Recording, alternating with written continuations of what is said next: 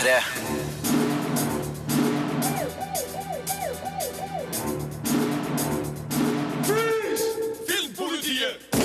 Endelig er det fredag, og det er ekstra deilig.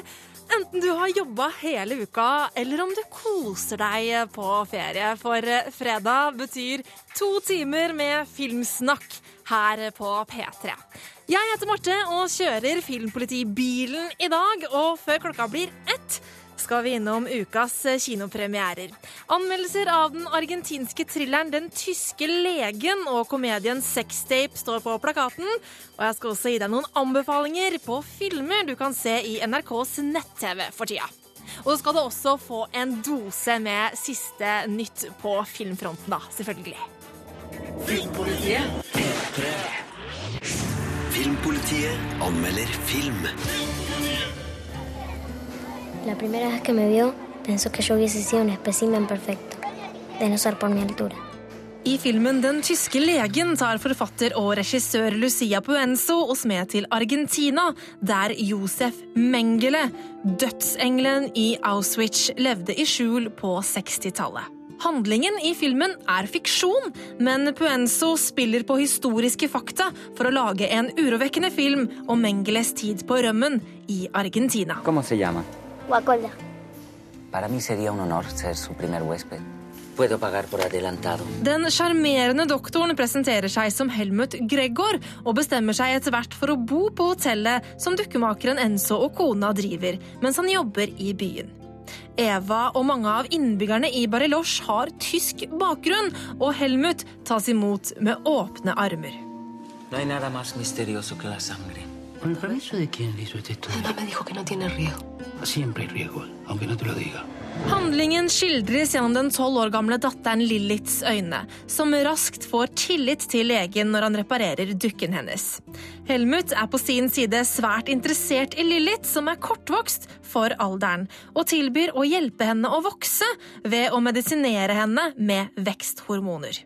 Når det blir klart at Eva er gravid med tvillinger, blir han ekstra opptatt av å følge med på svangerskapet hennes, og Eva begynner å sette sin lit til legen. Los poetas escriben lo que ven. Los pintores lo pintan. Yo mido y peso lo que me interesa. Liliths barnlige fascinasjon for Helmut, som med sitt behagelige vesen virker som en sympatisk mann, skaper en ubehagelig stemning i filmen. Regissør Puenzo avslører ikke Helmuts virkelige identitet før mot slutten av filmen, men vi vet jo hele tiden hvem han er, og det er urovekkende å følge med på at han utfører genetiske eksperimenter forkledd som medisinsk hjelp på den uvitende familien. Está creciendo uno o dos centímetros en lugar de ocho, que es lo que debería. No va a experimentar con No nuestra es un experimento. Den tyske legen er på ingen måte nyskapende i sin fremstilling av Josef Mengele.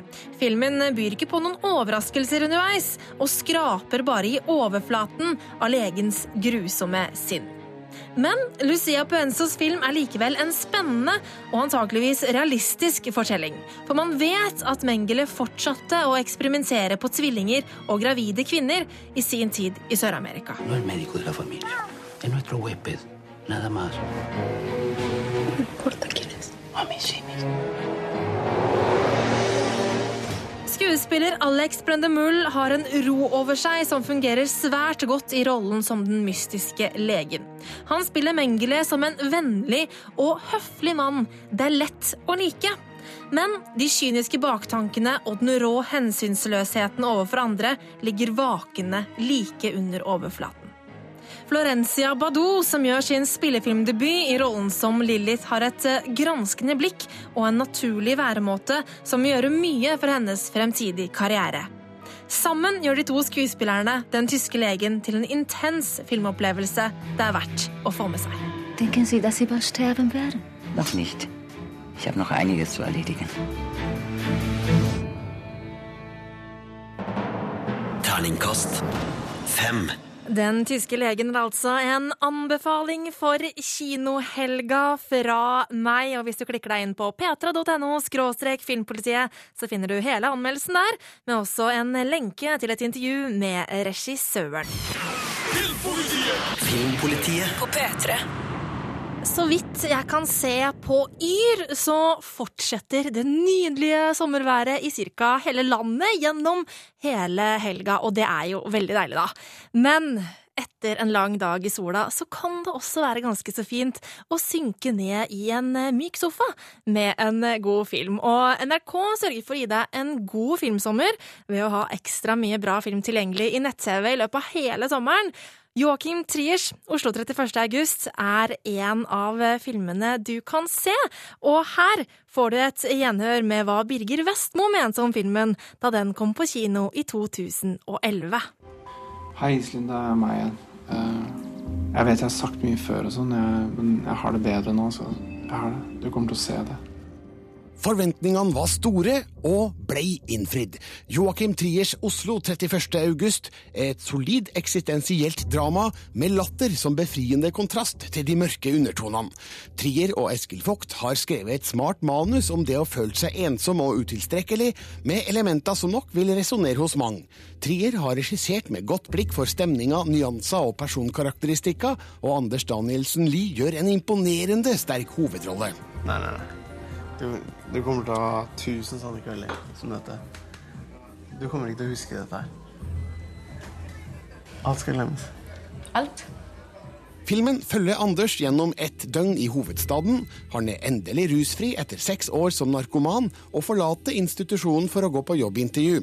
Først oppsøker han noen gamle venner, og oppdager at hans fortid som depressiv narkoman har satt dype spor hos dem. Kan han starte på nytt, og vil han? Se på livet mitt. da. Jeg er 34 år, jeg, jeg har ingenting. Jeg orker bare ikke å begynne helt på nytt igjen. Denne filmen formidler svært godt hvordan Anders oppfatter tilværelsen som full av kvelende trivialiteter. I en spesielt vellykka scene sitter han på kafé og overhører andres overfladiske samtaler om sine små og hverdagslige prøvelser. For Anders er det her banaliteter som bare bekrefter hans følelse av at det ikke er noe å hente der ute i samfunnet. Jeg fikk noen penger i dag. Det første jeg tenker da, det er at dette her kommer jeg til å kjøpe heroin for. Det bare popper opp i hodet mitt som et instinkt eller noe. Og Det, jeg orker ikke å begynne på det der. Det er bare ikke noe option. Jeg kjenner igjen mye av det samme stilsikre formspråket som gjorde Joakim Triers debut, 'Reprise', så god. Oslo brukes som en aktiv, levende kulisse. Dette er i høyeste grad en byfilm, med både Frognerparken, Frognerbadet, Vigelandsparken og vanlige bygata som perfekt bakteppe for historiens stille, men likevel intense drama. Det lukter fransk new wave av det her, og filmen er da òg basert på Pierre Dreux La Rochelles roman Le Feu Follet fra 1931, som Louis Malle lagde filmen Ta mitt liv av i 1963. Jeg skjønner at det ser vanskelig ut for deg akkurat nå. At Ja, men det er ikke noe synd på meg. Det er ikke det. Nei, det er ikke det jeg mener heller. Jeg ser bare at du fortsatt har muligheten til å få det til. Få til hva da? Masse ting. Ja, men hva da? Det er kanskje en floskel, men Anders Danielsen Lie bærer filmen på sine skuldre i en altoverskyggende hovedrolle. Han skaper en sår og sta figur som nekter å ta imot sympati, og med så bunnløs sjøltillit at han ikke ser for seg noen mulighet til å komme seg opp. Du har familie som backer deg opp, du har eh, venner, du er en smart fyr. Kom igjen, liksom. Oslo 31. august er en verdig oppfølger til reprise, og befeste Joakim Triers posisjon som Norges mest spennende regissør. Jeg anbefaler deg en kinotur for å se hvorfor. Terningkast fem. En tydelig anbefaling fra Birger der. Oslo 31. august den går ikke på kino nå om dagen, men den er altså tilgjengelig i NRKs nett-TV frem til klokka ti på søndag. Filmpolitiet.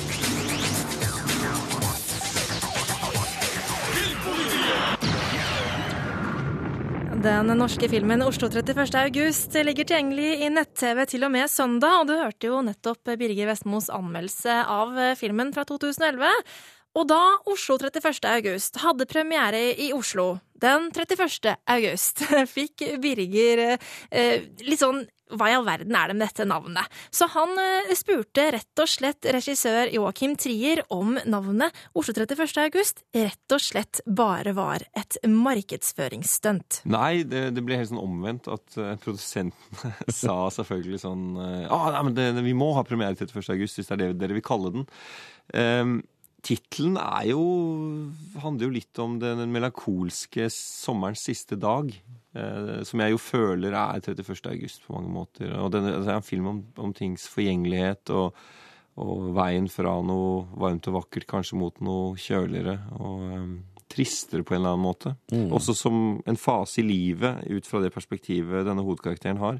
Men det er jo også sånn man signerer Eller eh, det, det er jo sånn det står på et brev også, ikke sant? Oslo 31. august. Det kunne jo nesten vært et avskjedsbrev. Ikke markedsføringstriks, altså. Nei, det, det er vel en del folk som har registr- syns det har vært en litt rar tittel. Men eh, jeg tror kanskje det er ok. Nå husker folk i hvert fall eh, når den kom på kino. Du nevnte i sted at eh, dette er en, en veldig melankolsk film.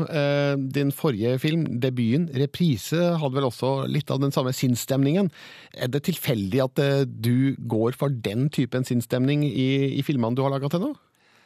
Ja, det er, det, er, det er et godt spørsmål, det også- men det er også litt vanskelig å svare på. Man, det er jo liksom noe som kommer ut. Det er noe man lager, og så blir det litt eh, sånn som det blir. Jeg, jeg vet ikke om jeg har total kontroll. Jeg tror ikke jeg søker det melankolske. Det er mulig jeg har et litt melankolsk sinnelag i perioder. eh, Men det jeg vil si, er at begge filmene handler jo mye om eh, minner og identitet. Eh, De handler også om forandringer i livet. De handler om, altså Dette er likhetstrekkene. Det er jo selvfølgelig mange forskjeller mellom de to filmene. Men det, men det er jo litt sånn melankolsk tematikk. Jeg tror jeg er opptatt av det. Jeg, jeg er litt jeg er nok litt, eh, har litt sånn hang mot nostalgi noen ganger. Eh, Det må jeg passe meg litt for, for det kan bli litt sånn klissete. Så jeg, jeg, må- altså, Det er et eller annet med at jeg syns det er interessant, dette med tiden som går. altså. Hva som, forandringene. Ting som glipper, ting som eh, vi ikke klarer å holde fast i. Jeg syns det er en sånn menneskelig tematikk da, som jeg er opptatt av. Men nå, nå kjenner ikke vi hverandre sånn personlig, men vi har møttes et par ganger, og du slår meg ikke som den melankolske fyren som sitter i et hjørne og depper. Nei, jeg tror kanskje Kanskje jeg får utløp for de filmene jeg lager. Jeg vet ikke. Nei, men du, jeg må si en ting også. Jeg har fått det der melankolikerstempelet litt i sånn som filmskaper. Det er veldig hyggelig at du da sier at ikke jeg fremstår helt sånn. Det er ikke noe jeg har lyst til å være. Jeg, jeg må si at det som var gøy på premieren nå, det var at vi fikk mye latter. Det var mange som lo, og det er et litt viktig poeng at uh, når Eskil og jeg skriver, så er vi liksom Vi sitter ikke bare i sort tøy og hører på Joy Division uh, hele tiden. Altså. Vi, er, vi er opptatt av at det også skal være noe satirisk, at vi skal ha en variasjon, og at det skal være noe humor i dette her også. Men jeg mener jo ikke at det er en motsetning. Det er litt viktig. Jeg syns at filmer som kan være alvorlige, også kan ha tilsnitt til noe morsomt. da. For sånn er livet. Selv i denne filmen hvor liksom to gode venner for eksempel, i en scene sitter og snakker om det mørkeste mørke, og den ene prøver å hjelpe den andre med problemene. Så, så, så, sånn som i virkeligheten, så plutselig så kommer det noe morsomt, og så ler man. og Det er også en beskyttelsesstrategi hos mennesker. ikke sant? Å, klare å bruke humor. Jeg tror det er en, det er en viktig overlevelsesstrategi. Det sa regissør Joakim Trier om eh, den melankolske humoren i Oslo 31. august, som er tilgjengelig i NRKs nett-TV. Klikk deg inn på tv.nrk.no. P3. P3. Filmpolitiet anmelder film. Hello. Hi. And welcome.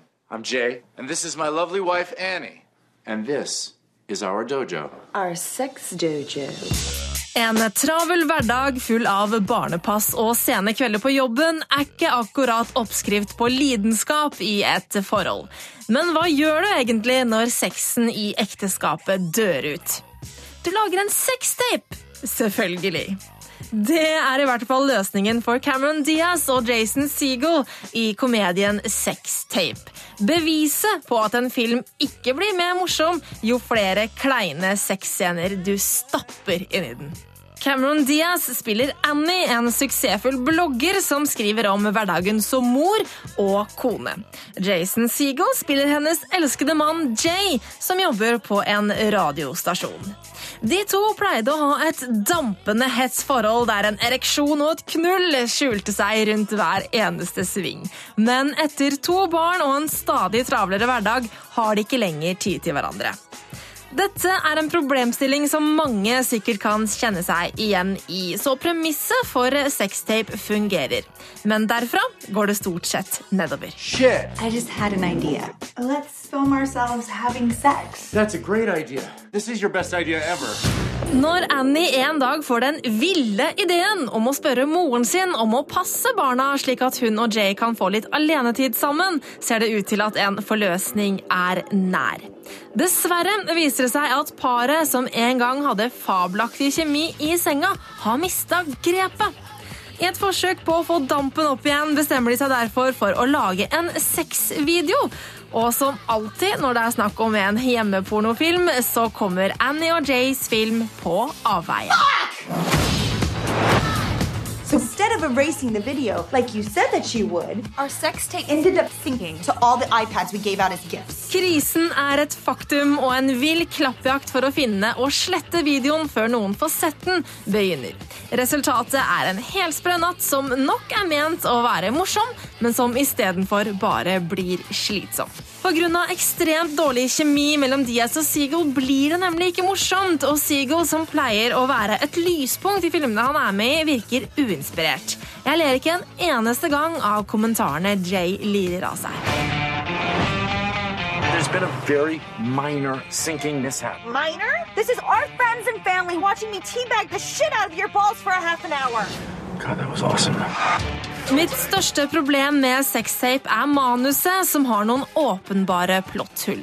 Og når det frustrerte ekteparet mot slutten av filmen ender opp i YouPorns lokaler for å knuse serverne deres, blir det hele litt for mye for meg.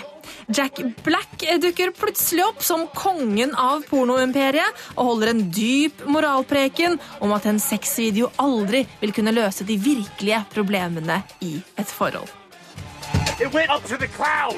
We are gonna get back every copy right now. Jeg har vanligvis stor sans for både Jason Segel og Cameron Diaz, men denne gangen fungerte det bare ikke. Jeg dro på smilebåndet et par ganger i løpet av filmen og småhumra noe av Rob Lows rolle som Annies tilsynelatende konservative sjef. Sextape er en film som raskt kommer til å gå i glemmeboka, selv om den prøver å klistre bildene av Diaz og Seagulls nakne kropper til netthinna mi. I'm gonna distract my boss. You're gonna search his house for the fucking iPad. You gotta be kidding me. No, no, deal. Terningkast to. Nei, jeg hadde ikke sett eh, sextape igjen om jeg hadde fått betalt for det, noe som jeg jo fikk eh, i utgangspunktet. Men det kan jo hende at eh, du er helt uenig med meg, og hvis du skal se filmen i helga, så vil jeg gjerne høre hva du mener om filmen. Klikk deg inn på p3.no filmpolitiet, finn frem anmeldelsen og gi din dom over sextape i kommentarfeltet. Filmpolitiet presenterer I går kunne man høre spente kvinner over hele verden juble i fryd da den aller første traileren for Fifty Shades of Grey ble lagt ut. Vi kunne for første gang se Dakota Johnson og Jamie Dornan i rollene som Anastacia Steele og Christian Grey.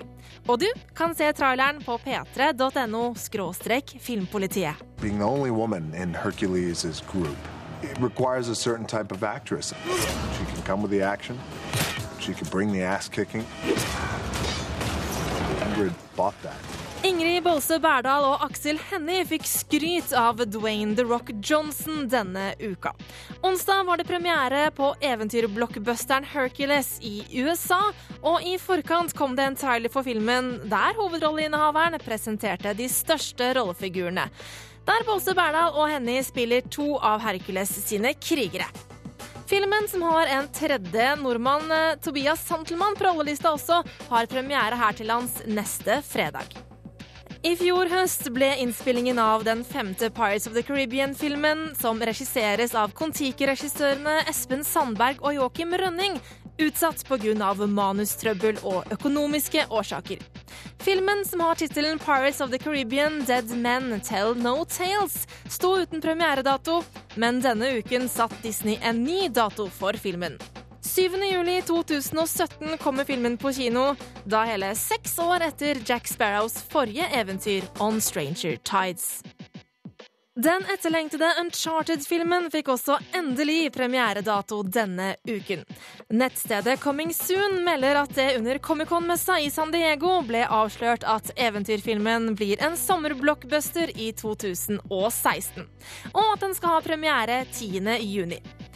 Filmen skal være basert på det første spillet i spillserien som følger Nathan Drakes eventyr på jakt etter gamle relikvier, og historien om hans forfar, oppdageren sir Francis Drake. Seth Gordon er foreløpig satt som regissør, og da er det bare å vente i spenning på å finne ut hvem som får rollen som den moderne Indiana Jones. På torsdag troppet tusenvis av tegneserieentusiaster, fantasy-tilhengere, spillere og filminteresserte opp i San Diego da den årlige nerdekongressen Comic-Con gikk av stabelen. Messa er den største i sitt slag, og i løpet av de fire dagene den varer, får fansen en rekke nyheter om filmene, seriene og spillene de gleder seg til. I tillegg til Uncharteds premieredato har det kommet en rekke andre nyheter, og blant annet et nytt bilde av Ben Affleck i Batman-drakta, konseptkunst for Warcraft-filmen til Duncan Jones og en ny poster for Hobbiten Femhærer-slaget har blitt avduka. I løpet av helgen kommer det til å komme en rekke nye trailere for kommende filmer. Filmpolitiet venter i spenning. P3. Filmpolitiet på P3. Dwayne The Rock Johnson sin nyeste film 'Hercules' hadde jo eh, premiere denne uka i USA. Filmen kan skilte med hele tre norske navn på rollelista. Aksel Hennie, Tobias Santelmann og Ingrid Bolse Berdal. NRKs reporter Simen Meisdal tok en prat med Bolse Berdal om hvordan det har vært eh, å være med på en så svær Hollywood-produksjon. Man cannot escape his fate. Hercules. Eh, når man kommer inn på et sett på, et, på en sånn stor eh, film sånn som Hercules, er det som å komme inn i, i en megabedrift eh, med et crew på mange hundre mennesker. Eh, og mange hundre statister, og det er så svært. Eh, og mens med norsk produksjon så er det jo veldig oversiktlig. Eh, vi er nok kanskje en sånn 30-40-50 crewmedlemmer eh, og veldig korte avstander. Men på store prosjekter så er det veldig lange avstander og veldig mye folk. Hva slags eh, karakter er det du spiller i Hercules? Jeg spiller en kvinne som heter for Atalanta, som er ekspert på pil og bue, og har laga seg en veldig snedig, vil jeg si, eh, og artig variant av pil og bue. Det er altså kniv, knivblad på hver side av eh, buen. Så ikke nok med at hun er fantastisk på da å skjøte pil og bue, eh, men hun går jo lett i brutal og blodig nærkamp òg med knivene sine. Så det er litt, litt av hvert der, altså. Hvilke fysiske forberedelser var det du måtte gjøre for denne filmen? Først eller Det som òg er artig med sånne type prosjekter, er jo at man får altså, nærkontakt med så mye eh, fantastiske folk som man trener sammen med. Et helt utrolig stuntteam som legger opp et veldig veldig godt opplegg og personlige trenere og folk som er eksperter på pil og bue. Og og veldig mye trening som går på hvordan få en fleksibel kropp som varer over en hel innspillingsperiode. Så er det at man skal holde ting ved like et halvt år. Eh, og det er jo ikke Så det kan være veldig utfordrende fordi at det er veldig tidlig opp, veldig lange dager, veldig mye ting som skjer i løpet av dagen. og Uh, få tid til trening og få tid til å holde ting ved like og få tid til å justere ting underveis. For meg så er det da eneste kvinne som da uh, skal være like kjapp og sterk på en måte som alle de mennene. Uh, hvem tror du hadde vunnet av Jannicke i Fritt vilt og hun du spiller i denne filmen, da? Å nei, stakkars Jannicke. Neimen uff og lell. Hun, hun, var jo bare en jente med, med masse mot. Hun hadde ikke, det hadde ikke gått så bra for henne, tror jeg. People. Save your family. And restore order to the world. Her hørte du Ingrid Bolse Berdal fortelle om innspillingen av Hercules, der hun spiller krigeren Atalanta. Reporter var Simen Meisdal. Hercules har premiere neste fredag, og da får du Birger Vestmo sin anmeldelse. Filmpolitiet på P3. Før låta så sa jeg at jeg skulle komme med en filmanbefaling.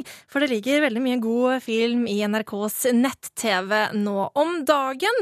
Og jeg syns at Kommandør Treholt og Ninjatroppen er en veldig artig film, og nå skal du få et gjenhør med Birger Vestmo sin anmeldelse fra da den kom på kino i 2010. Ninjatroppen har base på idylliske Gressholmen i Oslofjorden. En bilfri øy med rikt dyre- og planteliv. I behagelig avstand fra storbyens tause resignasjon og hysteriske overkompensering. Det siste først. Da rulleteksten starta, ble jeg sittende og tenke hva i huleste var det her egentlig? Kommandør Treholt og Ninjatroppen er nemlig en av de merkeligste filmene som er laga i Norge. Den er sær, skrudd, snål og surrete, og mot en del odds, det funker. Den leker med begivenheter i Norges moderne historie, som fremdeles lever i vår kollektive bevissthet. Det her skildres i en bisarr Ed Woodsk filmverden med enkle virkemidler og billige triks. Og ninjas. Overvåkingspolitiet har pågrepet Arne Treholt og sikta han for ulovlig etterretningsvirksomhet til fordel for ei framandmakt. Det starter med nyhetsoppslagene om arrestasjonen av byråsjef Arne Treholt i 1984. Så spoler filmen noen år tilbake, og vi får oppleve den egentlige Treholt, spilt av Mats Austdal, kommandør av Hans Majestet Kong Olavs ninjatropp med base på Gressholmen i Oslofjorden.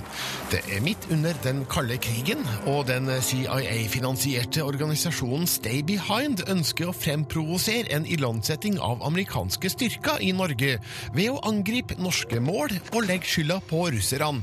Bare Treholt og hans ninjas kan stoppe dem.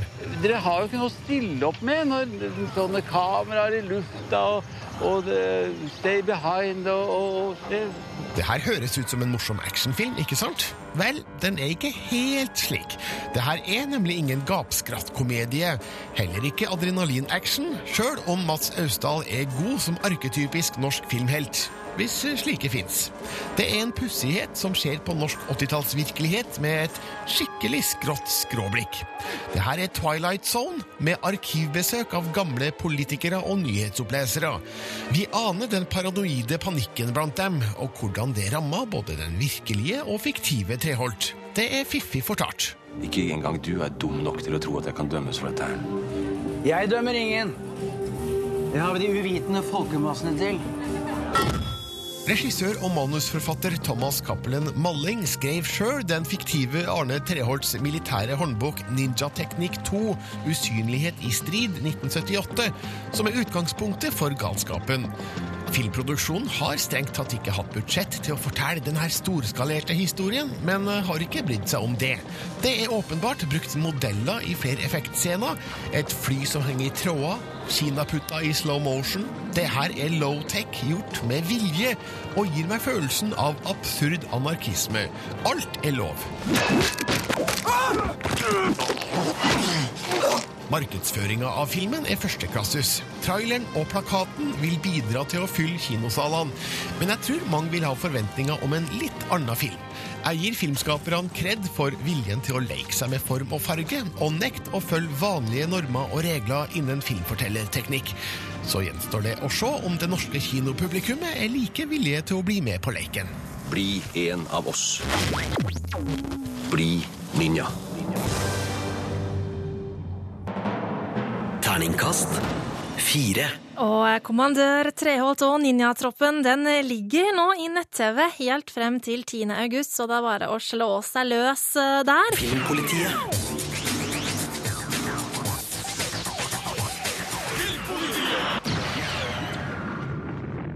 Vi skal holde oss eh, på sommerfilmer. Før låta så fikk du jo Birger Vestmo sin anmeldelse av Kommandør Treholt og Ninjatroppen, som ligger i NRKs nett-TV nå.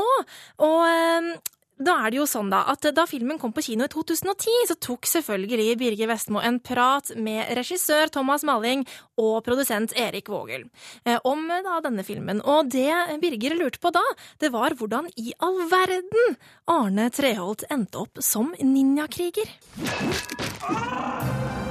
Overvåkingspolitiet har pågrepet Arne Treholt og sikta han for ulovlig etterretningsvirksomhet til fordel for ei framand makt. Noen måtte jo snakke med russerne for å finne ut hva som foregår. Thomas og Erik, vi har jo snakka sammen om denne filmen flere ganger før. Men vi må ta opp igjen et par ting. Aller først, Thomas, vi spoler tilbake til den boka du skrev, 'Ninjateknikk i strid', eh, del to. Ja. Hvorfor skrev du den boka i sin tid? Den boka ble skrevet som en spissformulering av forhåndsdommen som eh, media og Politiets overvåkningstjenester utsatte Arne Treholt for. De kalte han eh, storspion, gambler, sjarlatan, kvinnebedårer, alt mulig rart. Og da tenkte jeg at ut fra det så er ikke steget så langt til at han faktisk var ninja òg.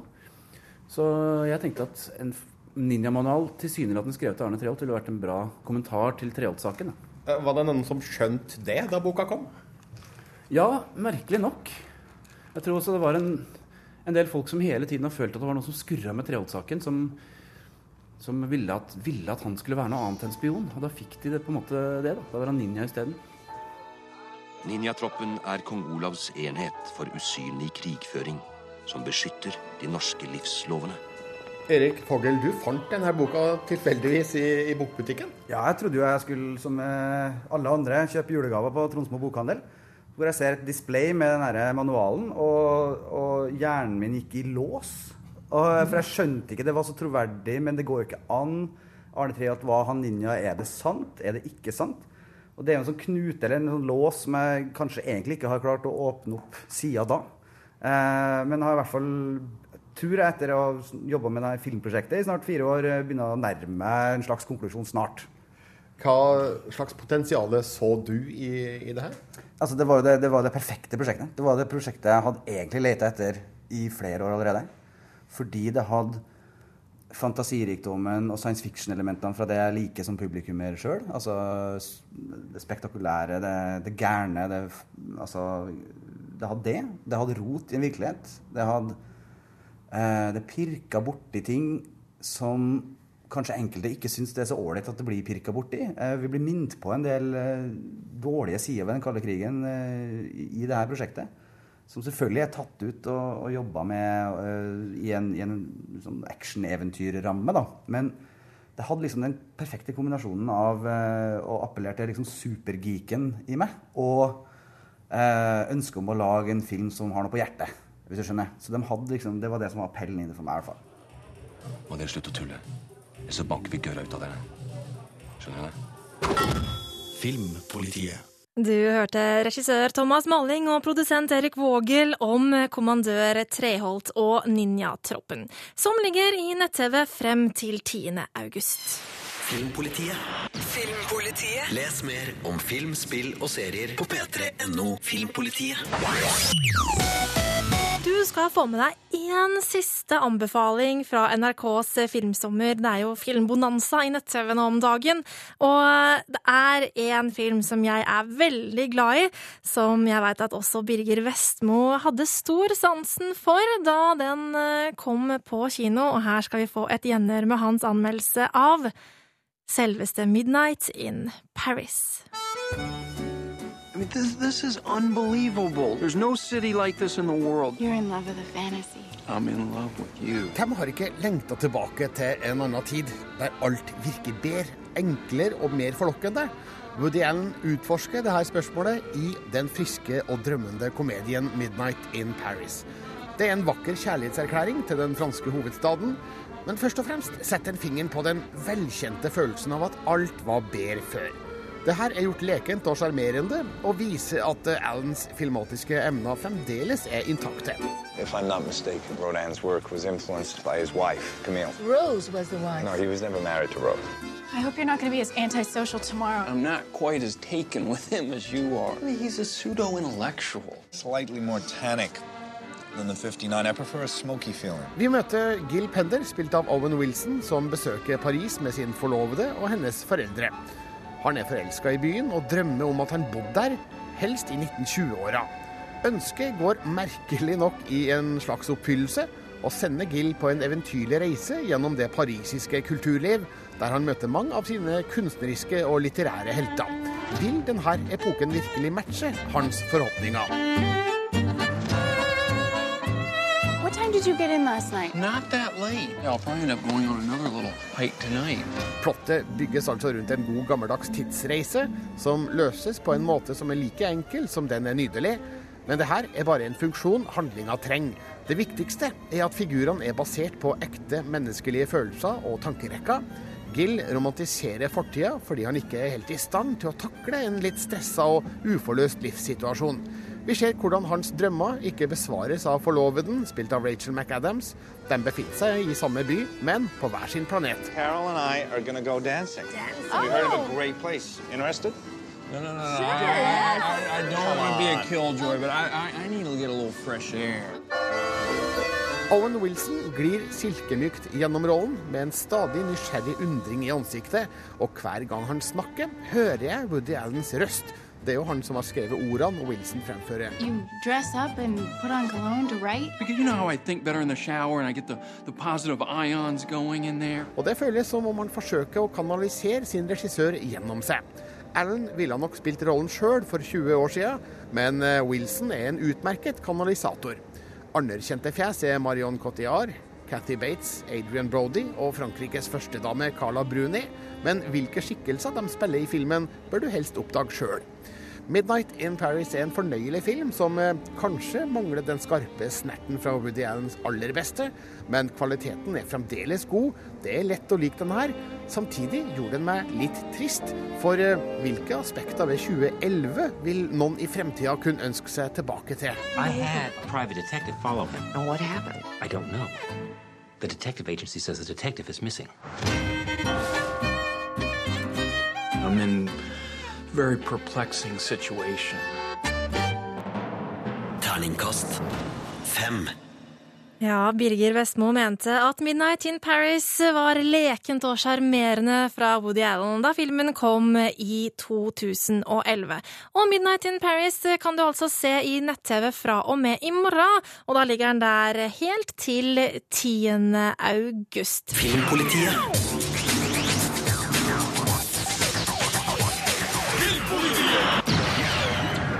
Går så var det kjendispremiere på Leicester Square i London. Vin Diesel, Chris Pratt, Zoe Saldana og resten av gjengen bak Guardians of the Galaxy gikk opp den røde løperen. Tidligere på dagen så hadde vår egen Rune både sett filmen og møtt stjernene, og nå er det på tide med førsteinntrykk, men først et lite lydklipp. We arrested these five on Xandar. Apparently, they think they can save the galaxy. What the hell? I look around at us and I see a thief, two thugs, an assassin, and a maniac. But we're not going to stand by as evil wipes out billions of lives. Oh, yeah.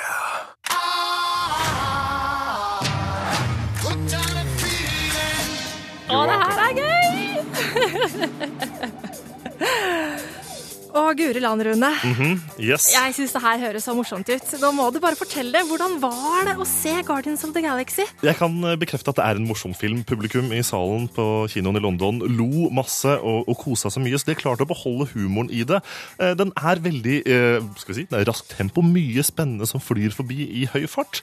Kanskje litt for høy fart. Jeg kunne gjerne tenkt meg å se litt mer. En film som var enda litt lenger, faktisk. Men det aller fineste er å se en science fiction-film som ikke baserer seg på det mørke og litt sånn dystre science fiction-greiene som vi fikk med bl.a. Blade Runner og Alien, noe som har blitt kopiert mye i nyere science fiction-film. Dette er en actionfilm som tar tilbake gleden og undringen over det som er rundt dem på 50-tallet, og det er i hvert fall mine Førsteinntrykk fra Guardians of the Galaxy. Birger Vestmo, sjefen sjøl, han anmelder filmen og gir den endelige dommen i neste uke. Men det var jo ikke bare filmen jeg så, Marte. Nei, Du møtte jo en hel haug med folk òg. Ja, og det var jo veldig spennende, så i løpet av neste uke på våre nettsider p3.no skal du få veldig mye mye spennende eh, fra de intervjuene som vi gjorde med skuespillerne. Men det var én fyr eh, som virkelig gjorde seg gjeldende som den store stjerna. Jeg må bare ta med en liten smakebit her nå.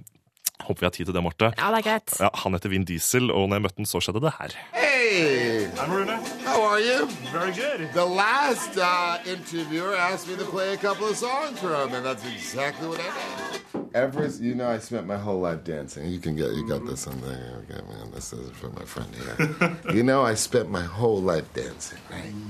So when I was a teenager, and you're gonna appreciate this too. When I was a teenager, I used to break dance in the street in New York at a place called Washington Square Park where the fountain is. All right. And there would be people all around watching me dance. And I took it very serious. And we would practice and we would come up with routines and we would dance. And at the end of dancing, I would take off my hat, extend it, and ask for donations. And I was 15 years old and I made enough money to feed myself. Now I have kids and I threw everything out the window and I dance like my little three and six year olds and they do this. and it's just a funny observation. Proceed. Så det der var altså Vin Diesel idet jeg gikk inn i rommet. En fyr som virkelig tar situasjonen og klarer å fortelle en fantastisk historie. Han fortalte også veldig mye spennende om selve filmen. Han har da gitt stemmen til Grot. Eh, Men han kom også inn på temaet om eh, sin gode venn Paul Walker, som døde i en bilulykke tidligere i år. Mer om det straks her på NRK P3. Du har vært i London og snakket med andre Vin Diesel i forbindelse med eh, filmen Guardians of the Galaxy. Men da du prata med han, Rune, så kom han jo også inn på noe helt annet, nemlig Paul Walker, hans eh, gode venn. Det må ha vært et eh, sterkt øyeblikk. Det var et veldig spesielt øyeblikk, eh, for jeg spurte litt om, om hvordan han fikk rollen som Grot, altså det treet som han har lagt stemme til i Guardians of the Galaxy. Så spurte jeg hvordan reagerte du da når telefonen kom? Um, I would like to if if it's uh, I guess um, you know this is the first voice work I've done since Iron Giant back in 1998. It's a long time ago. Um, so it's it's it's role specific for me. If it's it's what role speaks to me, uh, and and that's that's kind of how Groot was born in, in, in my life, in my reality. It was a role that spoke to me. It was a role specifically that had been offered to me at a very trying time in my career and probably in the midst of the hardest film I've ever had to shoot, which is Fast and Furious 7. So when this role came up, when, when we experience death in our lives, invariably we grow a hyper appreciation for life. And the very essence of who Groot is is respecting life in that way. You know, the life of trees. And I imagine that that people will never look at trees the same after this movie. Vin Diesel der, altså. Han har rollen som Groot i Guardians of the Galaxy, som kommer på kino neste fredag her i Norge. Og I løpet av neste uke så kan du da altså på nettsidene våre p3.no filmpolitiet finne både anmeldelse og mer av intervjuene vi har gjort med stjernene. Jeg gleder meg til å høre mer om Guardians of the Galaxy, Rune. Tusen takk for at du kom hit i studio. God fredag, da. Takk i like måte. Filmpolitiet med Marte Hedenstad. NRK. Og med det så er Filmpolitiet ferdig for i dag. Jeg må si at jeg har kosa meg så mye her i studio sammen med deg. Håper du har syntes det har vært en bra sending også.